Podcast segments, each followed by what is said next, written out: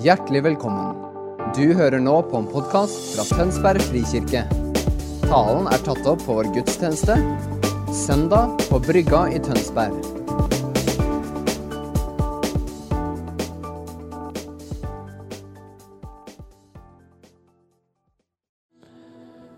Asgeir delte med oss på bønnemøtet i dag fra Salme 46. Hvor det står 'vær stille', eller 'hold opp', eller 'stopp'. Og kjenne at jeg er Herren. Jeg opplevde et, et øyeblikk i lovsangen her hvor, vi synger ingenting, vi bruker ikke ord. Vi har ikke noe sånn Vi har ikke noe vi kan bringe, vi har ikke noe vi kan gjøre i lovsang eller tilbedelse som, som gjør at Gud gjør noe mer, eller at vi liksom men vi, vi, kan stoppe. Vi stopper opp, og så kjenner vi at han er Gud. Mm. Tusen takk for måten dere demonstrerer tilbedelse for oss.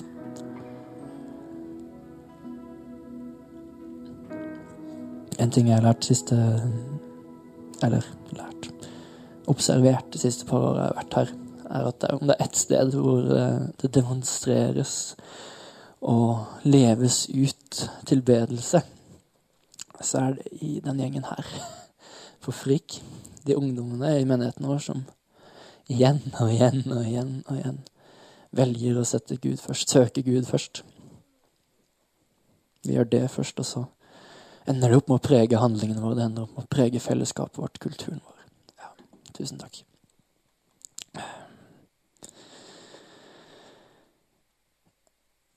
Jeg skal ha en sånn veldig praktisk, praktisk tale i dag og undervisning. Vi skal snakke om tilbedelse. Um, vi skal snakke veldig lite om lovsang, egentlig. For lovsang, det holder på med, det kan vi, det skjønner vi. Men vi skal gå til Bibelen, og så skal vi spørre hva er egentlig tilbedelse for noe. Um, og når vi går først og fremst til Bibelen og lar være å sette våre egne ord eller erfaringer uh, på et tema, så har det en tendens til å bli litt mer utfordrende. Uh, så det kan hende at det blir en litt utfordrende tale. Uh, tror det går fint. Ja. Vi skal starte. Dere kan få lov til å slå opp sammen med meg i Første Mosebok, kapittel 22.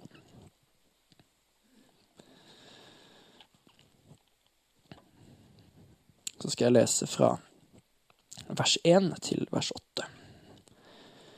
En tid etter dette hadde hendt, satte Gud Abraham på prøve, og han sa til ham, Abraham, og han svarte, Ja, her er jeg. Da sa han, Ta din sønn, den eneste Isak, han du elsker, og dra til landet Moria. Der skal du ofre ham som brennoffer på et av fjellene, og jeg skal fortelle deg hvilket. Og Abraham sto tidlig opp neste morgen, lesset på eselet sitt, og tok med seg to av tjenesteguttene sine og Isak sønnen sin. Han kløvde ved til brennofferet, og så ga han seg i vei til det stedet Gud hadde sagt ham. Den tredje dagen så Abraham opp og fikk øye på stedet i det fjerne. Da sa Abraham til tjenesteguttene, slå dere til her med eselet, og jeg og gutten vil gå bort dit og tilbe. Og så kommer vi tilbake til dere. Abraham tok offerveden og la den på Isak, sønnen sin, og selv tok han ilden og kniven i hånden, og så gikk de sammen, de to. Da sa Isak til sin far Abraham, du far, og han svarte, ja, sønnen min. Han sa, se, her er ilden og veden, men hvor er brennofferlammet? Abraham svarte, Gud vil selv se seg ut et brennofferlam, sønnen min. Og så gikk de sammen, de to. For noen uker siden så satt jeg hjemme um, like etter frokost. Um, hadde spist en god frokost, uh, satt videre med kaffekoppen, og så jobba jeg med et uh, Eller jobba. Jeg har et sånt bønnehefte, kan man kalle det. Det er en liten bok som heter Cultivate the Head to the Heart Journey. Uh, som har flere små andakter og dikt og fortellinger som det følger med sånne små oppgaver og spørsmål. Som man jobber sammen med og ber, og så lytter, og så prater med Gud om. Og denne morgenen så får jeg dette spørsmålet her. Spør Gud om å vise deg et område i livet hvor han har vært tålmodig med deg. Og jeg gjør det og forventer å få en samtale med Gud om tålmodighet, og hvor i livet jeg kan jobbe med tålmodighet osv. Men så får jeg det svaret her. Når du trodde at det viktigste i verden var å ha det bra, og når du jaget etter det du og de stemmene du hørte på, trodde var det beste man kunne oppleve, når du lengtet etter det skapte istedenfor skaperen selv. Da viste jeg deg tålmodighet og ventet for at du omsider skulle finne meg.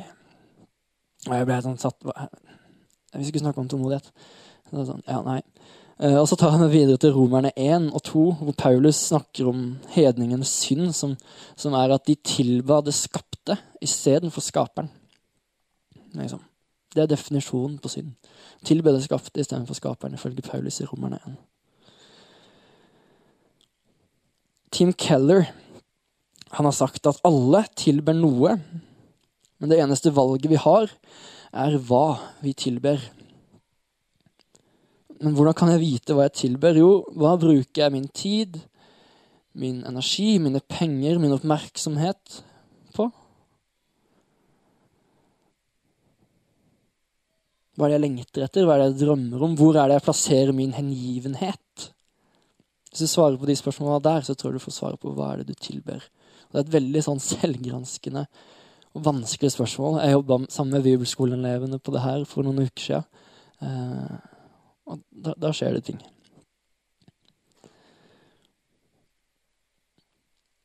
Jeg går tilbake til Abraham. Hvordan kunne han etter å ha fått tidenes verste oppgave og verste test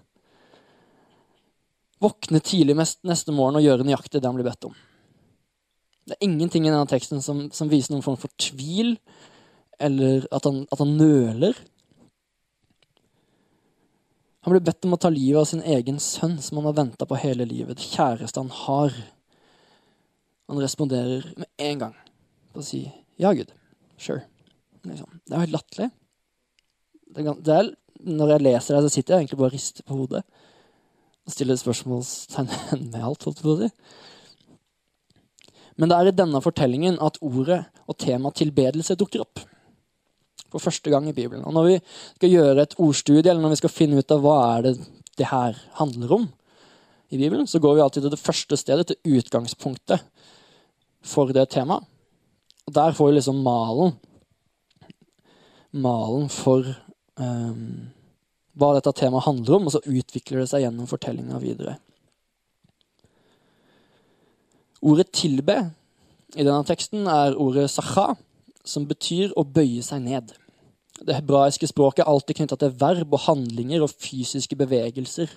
Mens det greske er mye knytta til fornuft og tanke. og sånn. Det hebraiske er veldig handlingsbasert. Så ordet 'å tilbe' betyr, eller demonstrerer bevegelsen, liksom bøye seg ned. Um, og mange har formulert en eller annen definisjon på tilbedelse, men istedenfor å kvote noen teologer eller en hypp pastor, sånn type Bill Johnson, som vi ofte gjør, eh, så skal jeg prøve å gi dere min definisjon. Eh, og det er at tilbedelse er å leve i rett relasjon, posisjon overfor Gud. Bøyd etter hans vilje, villig til å gi opp alt for ham som er alt. Det er et liv etter hans vilje overgitt, slik som Abraham var villig til å gi opp alt fordi han stolte på Guds løfter og trodde. Og det ble regnet ham til rettferdighet.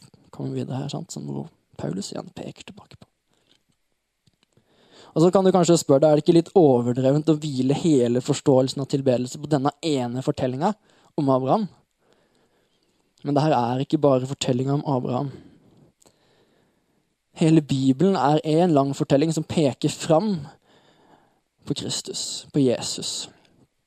Altså Hvis vi spoler 2000 år lenger fram i denne boka her, i denne fortellingen, så møter vi en mann fra Nasaret som på samme måte som Abraham, og ikke bare på samme måte, men han gjør det på akkurat samme sted, vandrer mot Moria, som Abraham trodde, eller hørte at det het. På Jesu tid heter det Jerusalem. Han går sammen med disiplene sine mot Golgata.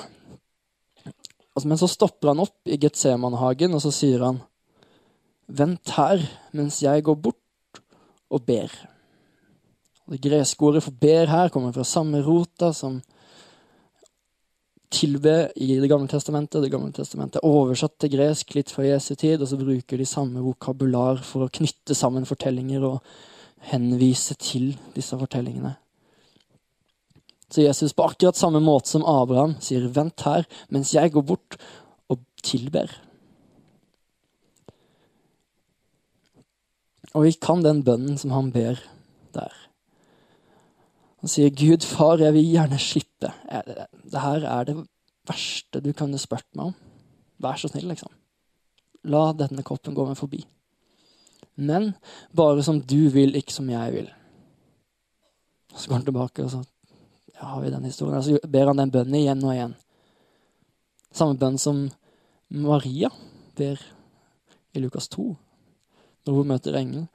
Så han, ja, Herre, som du vil, ikke som jeg vil. Dette er tilbedelsen. Det er bønnen og villigheten til å gi opp sitt eget i tillit til at Guds vilje er bedre til enhver tid. Tilbedelsen er både bønn og handling tett sammenvevd. Tilbedelse er ubetinget kjærlighet, å bøye seg og legge ned alt det man har. Og Det ser ulikt, ulikt ut i mange forskjellige settinger og til forskjellige tider, men utgangspunktet finner vi i korset I korset og fortellinga om Jesus som gir opp alt, og i fortellinga om Abraham og Isak som peker fram mot korset. I Johannes 15, 12-13 så sier Jesus dere skal elske hverandre slik jeg har elsket dere. Ingen har større kjærlighet enn den som gir livet for vennene sine. I Matteus 16, 24-25 så sier han om noen vil følge etter meg, så må han fornekte seg selv og ta sitt kors opp og følge meg. For den som vil berge sitt liv, skal miste det. Men den som mister sitt liv for min skyld, skal finne det. Er det utfordrende nå?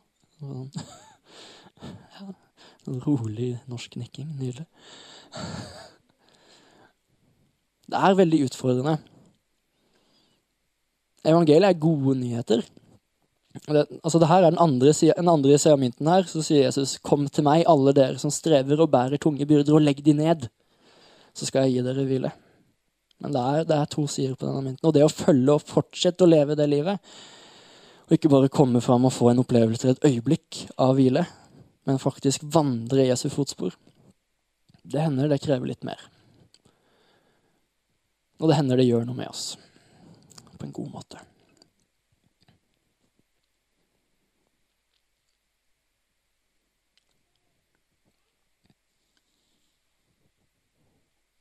Spørsmålet mitt er egentlig litt igjen her, da, er hvorfor er det her så utfordrende? Sånn virkelig, hvorfor er det utfordrende å gi opp alt, f.eks.? For eksempel? Fordi altså, det vi får igjen, er tusen ganger bedre enn noe som helst av det jeg har. Og så kan du kanskje si ja, men Gud har jo gitt meg, og så skal jeg liksom gi det opp igjen. og så bare, Ja, det er Abraham-fortellinga, liksom. Men jeg tror da at vi utfordres ikke nødvendigvis på hva vi er villige til å gi opp. For det, det, det hadde vært en veldig kjip gud. Hvis tilbedelse hadde vært å klare å gi opp så mye som mulig, eller bøye seg så langt ned som overhodet mulig. Det er en veldig slitsom øvelse. Men utfordringa vår går på om vi stoler på Guds godhet. Tror du at Gud er god? Det er grunnleggende spørsmålet. Når Bill Johnson skriver barnebok, så heter den 'God is good'. For det er det viktigste vi trenger å lære barna våre. At Gud er god. Hvis du vet at du vet at du vet, som Morten er glad i å si, at Gud er god, så er det veldig lett å legge ned alt. Liksom. Fordi det du får igjen, er bedre. Evangeliet er at ved å dø så får du nytt liv. Ved å bøye seg ned, så blir du reist opp. Eller salig er de nedbøyde i ånden, de skal få gjenopprettelse. Ikke sant? Ja. Så hvordan kunne Abraham villig gi opp Isak? Eller hvordan kunne Jesus villig la seg korsfeste? Jo, de kjente far, og de kjente Faderens godhet. Hans løfter, hans velsignelser i livet deres. Abraham hadde en lang relasjon med Gud. Han hadde fått flere løfter og erfaringer, møter med Gud. Han møtte Gud ansikt til ansikt. Han spiste måltid med han.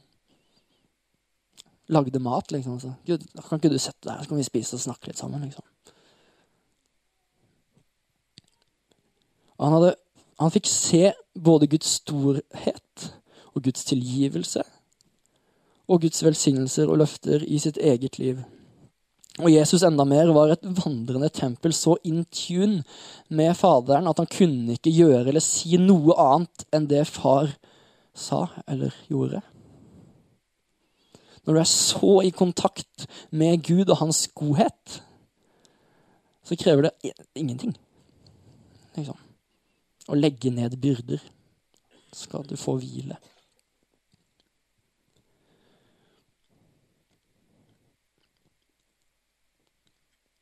Når Guds godhet får prege livet ditt ved at du sier til ham 'Her er jeg'. Liksom. Jeg har lyst til å være, ha relasjon. Liksom. Jeg har lyst til å kjenne deg. Hvordan gjør du det? Jo, Salme 46. Stopp opp. Slutt. Det finnes ikke noe prestasjon i tilbedelse eller i etterfølgelse. Men det handler om å stoppe opp og la oss få kjenne at Gud er Gud.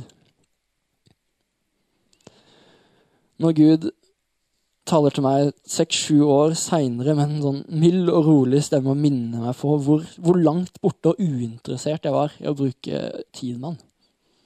Sånn, det, vokste opp med kirke og fått hørt evangeliet tusen ganger. Men det, er sånn, mange andre ting var gøyere, finere osv. Så sånn som jeg opplevde det da. Da var tyngden på min opplevelse av evangeliet. Tullete. Men når han, når han møter meg seks-sju år seinere altså med en sånn mild, rolig stemme, og, og, min overgivelse, min tilbedelse og min omvendelse er ikke et vitnesbyrd om hva jeg fikk til, men det er et vitnesbyrd om Guds tålmodighet og Guds godhet. Skjønner du forskjellen?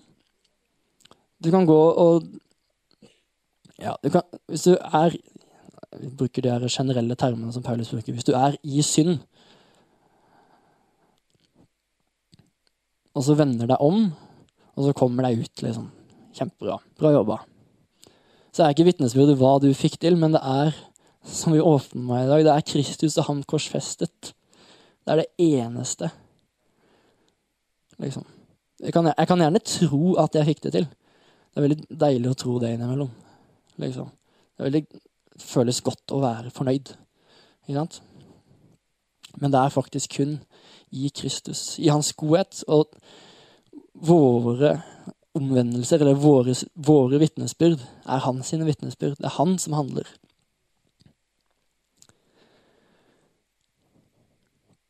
Det skjer ved Guds godhet og ved Hans ånds styrke. Og den umiddelbare funksjonen av tilbedelse, det er å bringe mennesket i rett relasjon overfor Gud. Og så er konsekvensen igjen, eller frukten av tilbedelse, at Guds rike får vokse i meg, hvis jeg tilber, eller i kirken, når vi tilber. Og så er det sånn med Guds rike at det, det handler ikke om oss. Så det får, noe, det får konsekvenser for andre rundt oss. Det får konsekvenser for Tønsberg. Det kan få konsekvenser for Norge og for verden. Dersom vi velger å bøye oss ned, komme til Han, så kan Han ta våre byrder, så kan Han reise oss opp. Og så funker Guds rike sånn som var ment til å funke fra starten, hvor vi starta med en hage som var ment til å vokse og spre seg. Fordi det er flere som lengter og trenger Guds godhet. Og godhet er en av våre andre kulturer i kirka. sant? Vi har tilbedelse opp dimensjonen, vi har godhet ut dimensjonen. Og så har vi hederskultur, det vi gjør her sammen inn i fellesskapet. Og Det er veldig lett å snakke om de som tre forskjellige, men det er viktig å huske at dette er én modell, og de henger sammen. Jeg tror Morten skal snakke litt om det her neste uke, men et, kong David, når han altså oppretter sin tempeltjeneste i Jerusalem. Og innserter tabernakelet og setter levitene til å lovsynge framfor Guds ansikt hele tida. Det er lovsang og tilbedelse i Jerusalem i over 30 år i strekk. Det er det tidspunktet i Israels historie hvor fattige blir tatt vare på, hvor enker, farløse, de blir gitt mat. Det vises godhet til de som er langt nede. Og det er fred med fiendene rundt.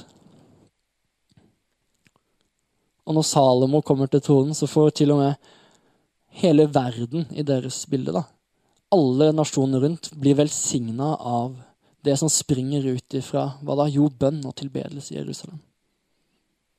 Det er ikke, det hæren, liksom, det militære David setter først når han oppretter kongeriket sitt. Det er bønn og tilbedelse. Eneste, viktigste for David er å bøye seg ned. Gi opp alt, fordi han vet at det er mye mer å hente hvis vi gjør det sånn. Liksom. Det er utrolig lurt. Ja.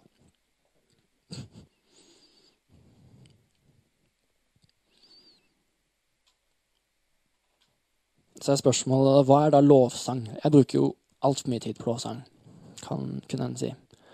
Uh, hvorfor bruker vi så mye tid på lovsang som menighet?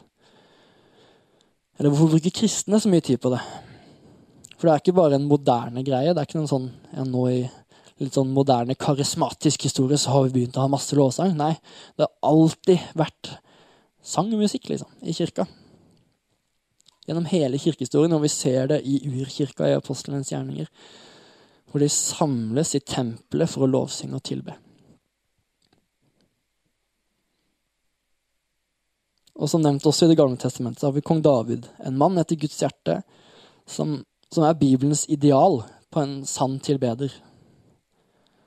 Og som hele salmenes bok tilregnes. Liksom. Det her er Davids bok. Lovsangen. Så det er god grunn til å ha lovsang som en god kristen praksis.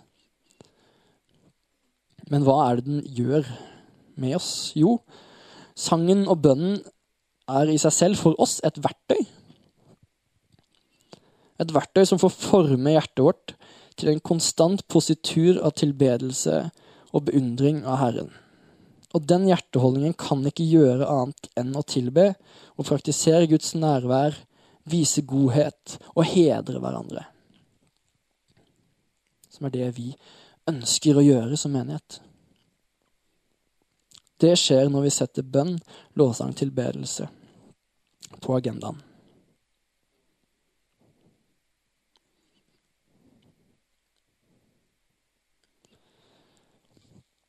Vi kommer til å bevege oss litt dit etterpå. Jeg skal ikke bruke så lang tid, så det lovsangstimen kan få lov til å komme opp litt sånn rolig etter hvert nå. Um,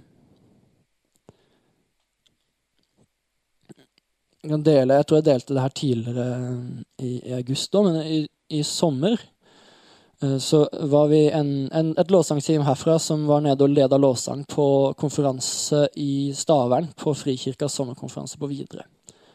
Uh, der har vi ganske mye lovsang. Uh, og det er veldig interessant å lede i den konteksten, fordi det er så, det er så mange forskjellige uttrykk i frikirkelandskapet. Uh, veldig, liksom. Eh, så det er gøy. Og eh, vi, har det, vi, har det, veldig fint, leder lovsang, og eh, opplever virkelig at Gud, Gud leder oss, og at, møter, at, han møter menneskene i salen. Eh, etter hvert åpner opp for profetisk betjening, og det er mye som skjer uh, i rommet, men det var liksom ikke noe sånn vi har nok bare en opplevelse at dette her er fint. Sånn som vi ofte har i lovsangen sant? i stad. Det er ikke så mye sånn 'dette skjedde', men vi, vi, kjente at Gud var her. Det her var fint. Han jobber med oss, han er til stede, han former oss. Og så på søndagen, eh, når vi skal ha familiegudstjeneste, så kommer det en dame bort til, til meg og Frida. Eh, så sier hun ja, 'Tusen takk for lovsangen, det var superfint', og Frida leda møtet, så du var kjempeflink, og så alle de der vanlige gira komplimentene. Um, og så stopper hun litt opp og så bare jeg ble helbreda i lovsangen. Sånn helt ut av det blå. Hun gikk på, på vår høyre side og, hadde, og så sa Vanligvis så kan ikke jeg høre dere når jeg står her, for jeg har vært døv på det øret her. Hører ikke noe på dette øret. Men plutselig i lovsangen så begynte hun å bråke veldig mye. i det her øret. Så hun begynner å ta ut den proppen som gjør at uh, hun har det vanligvis litt bedre med ørene. Og så oi, plutselig så hører hun helt klart på det ene øret. Og det er ikke en konsekvens av at noen har lagt hender på og bedt for henne, eller at hun konkret har gått framfor Gud og så sa Gud, Gud fiks øret mitt, liksom. Nei, men hun er i en, i en kultur i et rom med mennesker som gjør hva da? Jo, vi sier at Gud er Gud, vi er mennesker. Vi bøyer oss ned, gir Han ære. Og det gjør noe. Jeg husker Øystein Øvergaard, som er lovsangsleder på IMI, eh, sa en gang til meg Eller sånn han begynte å liksom legge ut hva er egentlig lovsang. Altså, han hadde vitnesbyrd fra han, De hadde vært på crusades i Afrika. Og så sier han bare sånn Det er en grunn til at vi har tre timer med lovsang før taleren går på. Fordi det gjør noe med atmosfæren her. Vi gir Gud mer og mer og mer og mer plass. Sier at han er konge igjen og igjen og igjen og igjen. Og så plutselig så får han jobbe på en helt annen måte enn det han har fått gjøre tidligere. Ikke fordi han er avhengig av vår tilbedelse, men han er så god og kjærlig at han ønsker vår tillatelse. Og ønsker fellesskap med oss. Så hvis vi synger om at Gud er god, han er god, han er god, han er god, og hans nåde varer evig, så begynner det faktisk å bli litt lettere å tro det innimellom. Og så begynner det å bli litt lettere å gi seg hen til den, den virkeligheten.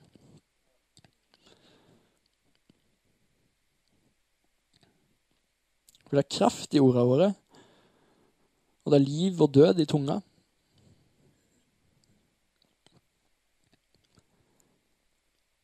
Så hvis du velger å synge om liksom, din frihet til Kristus når du føler deg fanga,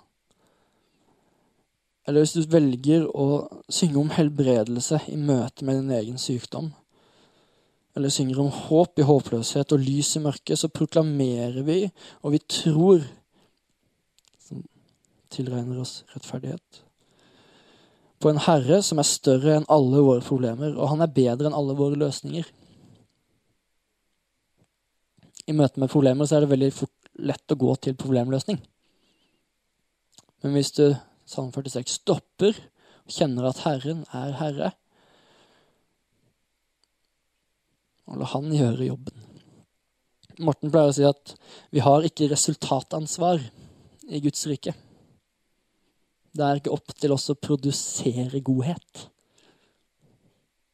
Men fordi han er en paktsgud, fordi han ønsker relasjon, fordi han ønsker fellesskap, så ber han oss om tillatelse. Til å si har, har, dere lyst til at jeg skal være konge? Og så bare sier vi da? Jo, ja! Liksom. Det eneste vi trenger å gjøre, er å si ja. Vi å løfte opp en sang eller en bønn, eller bare sette oss på kne. Det får ulike uttrykk.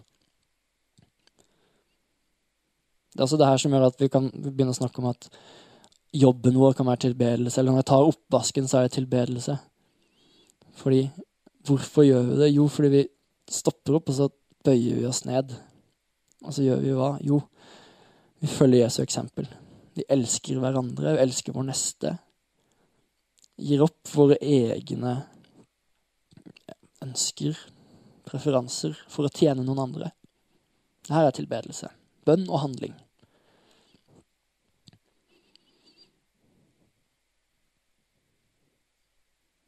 Ja, Dere kan få lov til å komme opp, kvinne.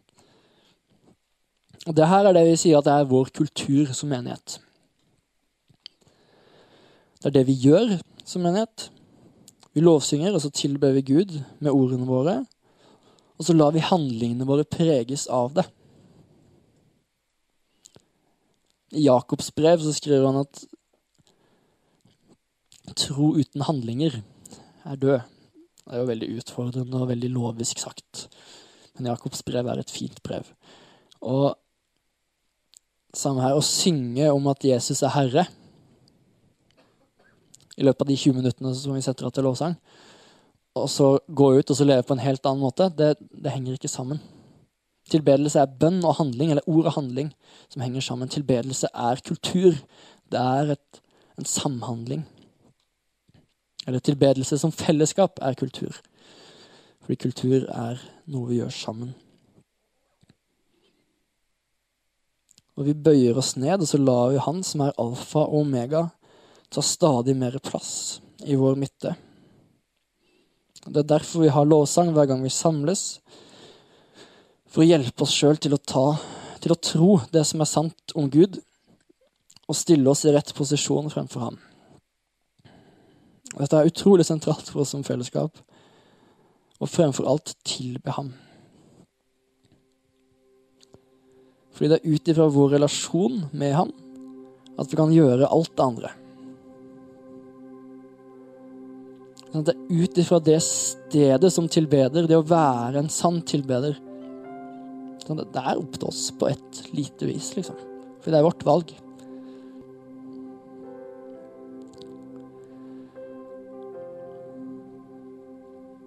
Han sier, 'Søk først Guds rike og hans rettferdighet', så vil han gi oss alt det andre. Og det gjelder for oss som fellesskap og som enkeltversjoner. Og det gjør noe med oss på dypet. Tim Keller igjen, han sier mye om tilbedelse, men en av tingene han har sagt, er at hvis du vil endre atferd, så må du endre måten du tilber. For hvis du bare skal ta deg sammen igjen og igjen og igjen, og igjen, så kommer du til å kanskje få det til av og til, men sånn på det jevne så er det liksom stagnerer. Så hvis du vil endre atferd, så endre måten du tilber. En annen ting han har sagt, er at hemmeligheten til å bli fri fra uvaner eller bindende mønstre av synd, er tilbedelse. Du trenger tilbedelse. Du trenger jublende tilbedelse, du trenger gråtende tilbedelse, og du trenger herlig tilbedelse. Du trenger, vi trenger, en erfaring av Guds godhet og bli beveget av den beveget til tårer eller beveget til latter, og bli beveget av hvem Gud er, og det han har gjort for oss.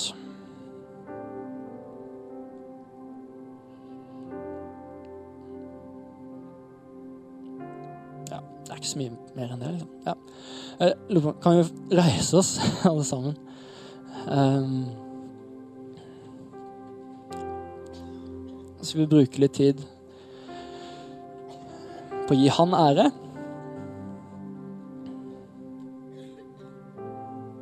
Og husk at når vi sier nå Jo, Jesus, jeg sier det her om mitt liv. Eller vi sier det her for vår menighet, at vi vil gi deg ære. Men ikke la det bare bli en, liksom, en felles greie akkurat nå. Men husk at det her er et helt liv. Og Derfor vil jeg si at lovsang eller tilbedelse er veldig mye mer enn bare musikk. Og bønn er veldig mye mer enn bare ord. Men det er noe som kan gi Gud tillatelse, som kan forme oss, og som kan drive oss til handling. Så Jesus, vi takker og priser deg for alt det du har gjort for oss. Og vi velger å stoppe opp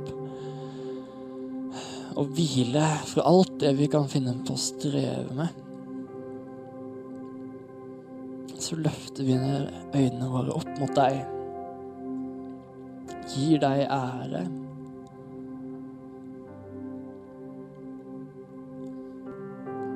Vi gir deg vår oppmerksomhet. Det er alt vi kan gi deg, Jesus. Du har alt det du trenger. Og du er alt det vi trenger. Så Jesus, vi tilber deg.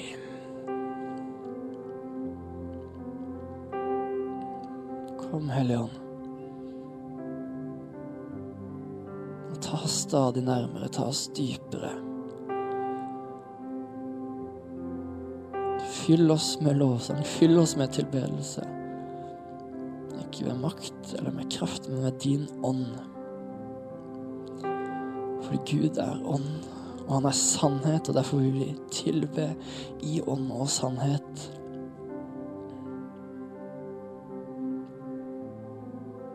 Sånn at du kan gjøre det du vil.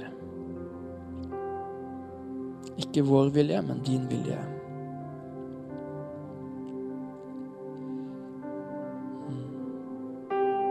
la ditt rike komme. Her, i vår menighet, i våre liv, i vår by. Etter din vilje, slik som i himmelen. Jesu navn. Amen.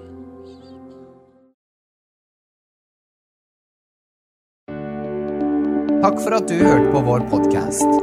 Har du spørsmål eller ønsker du å vite mer? Søk oss på vår nettside tonsbergfrikirke.no du er også velkommen til kirke på Brygga i Tønsberg.